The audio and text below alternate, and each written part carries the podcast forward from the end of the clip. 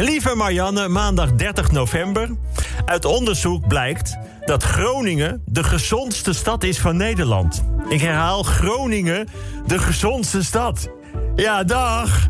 Misschien sinds de cafés dicht zijn. Ik hou enorm van Groningen. Geweldig altijd om daarop te treden. En hoe dan ook een paar dagen, een paar nachten, een paar weken te blijven. Maar ik ben daar voor de corona nog nooit gezond vandaan gekomen. Hoezeer ik me ook voorneem om na het optreden direct naar het hotel te gaan, is moeilijk.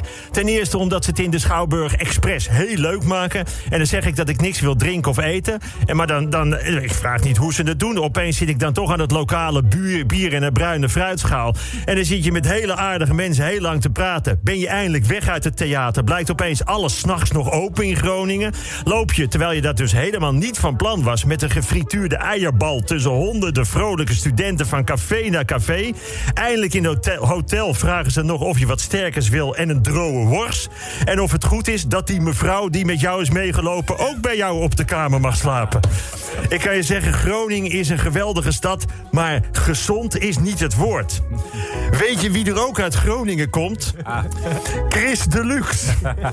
Hoe komt hij elke vrijdag aan die geweldige mix? Nou, dan zou ik je zeggen, een optelsom van weinig slaap, drank, pillen en frituur in de mix. En dan ga met die banaan.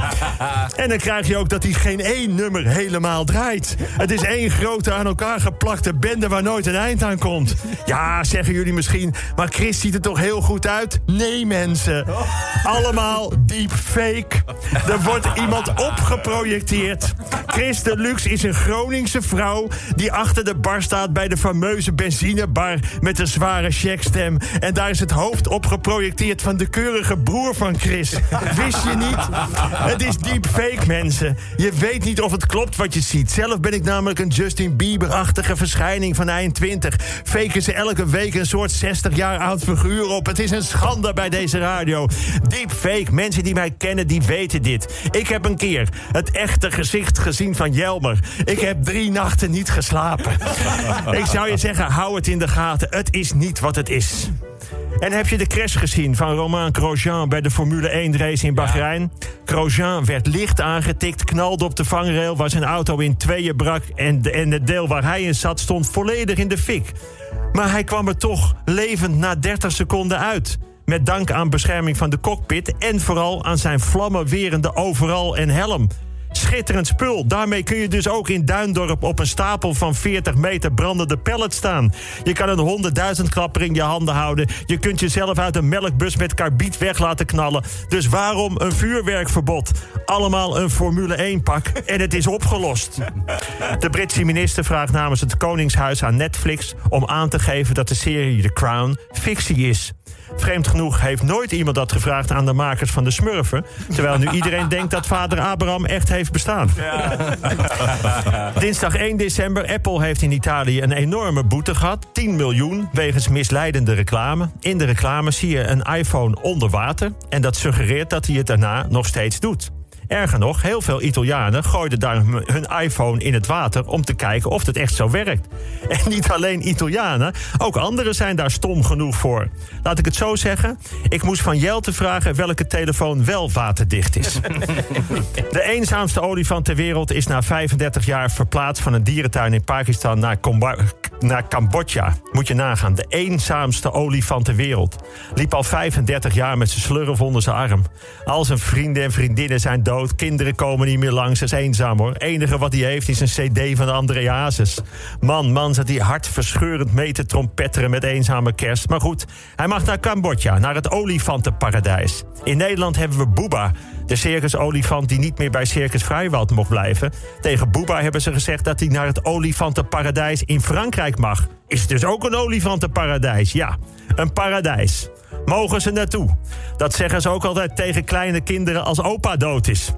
Nou, ik gun alle olifanten het mooiste, maar ik zou zeggen: trap er niet in, domboos. In het paradijs ben je dood. Al die dierenliefhebbers zitten in een complot. Volgens minister Hugo de Jonge kunnen we vanaf 4 januari worden gevaccineerd. Maar komt de toevoeging? Als alles goed gaat. Ja, zo is het altijd. Dingen lukken het meest als alles goed gaat. Als alles goed gaat, wint Ajax van Liverpool. Ik zeg het ook vaak. Als alles goed gaat, dan komt je man er niet achter. Nou, kortom. Hugo is niet zeker van zijn zaak. Woensdag 2 december. Ik wil duidelijk zeggen dat ik me absoluut laat inenten. Maar komt-ie? Of het eerste vaccin dat beschikbaar komt ook geschikt is voor bewoners van verpleeghuizen en mensen met een verstandelijke beperking, moet nog blijken. Kortom, dat vaccin werkt dus niet bij een leeftijd van boven de 80 en een IQ van onder de 80. En nou hoorde ik van een GGD-arts, Frans de Lange... om het vaccin te krijgen moet je daarom eerst 100 kniebuigingen maken... en drie moeilijke sommen oplossen. Als je dat kan, dan ben je aan de beurt.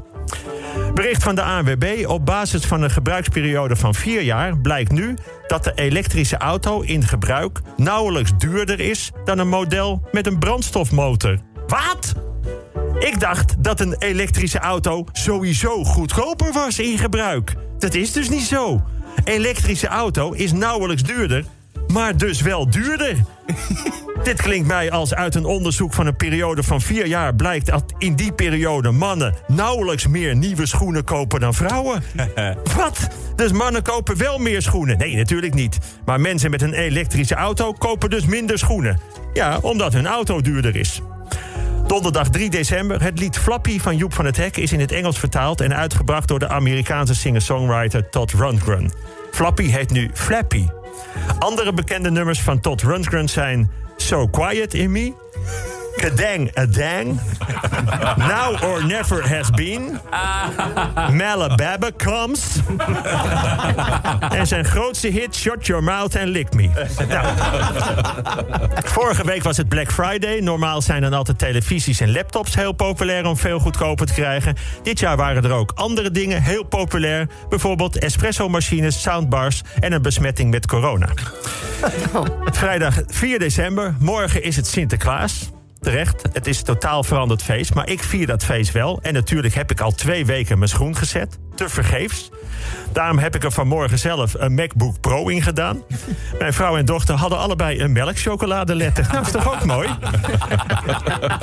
Een goede vriend van mij had een lekker wijf in zijn schoen. Kon zijn vrouw niks van zeggen, want zijn kinderen stonden erbij... en die vonden het een prachtig cadeau.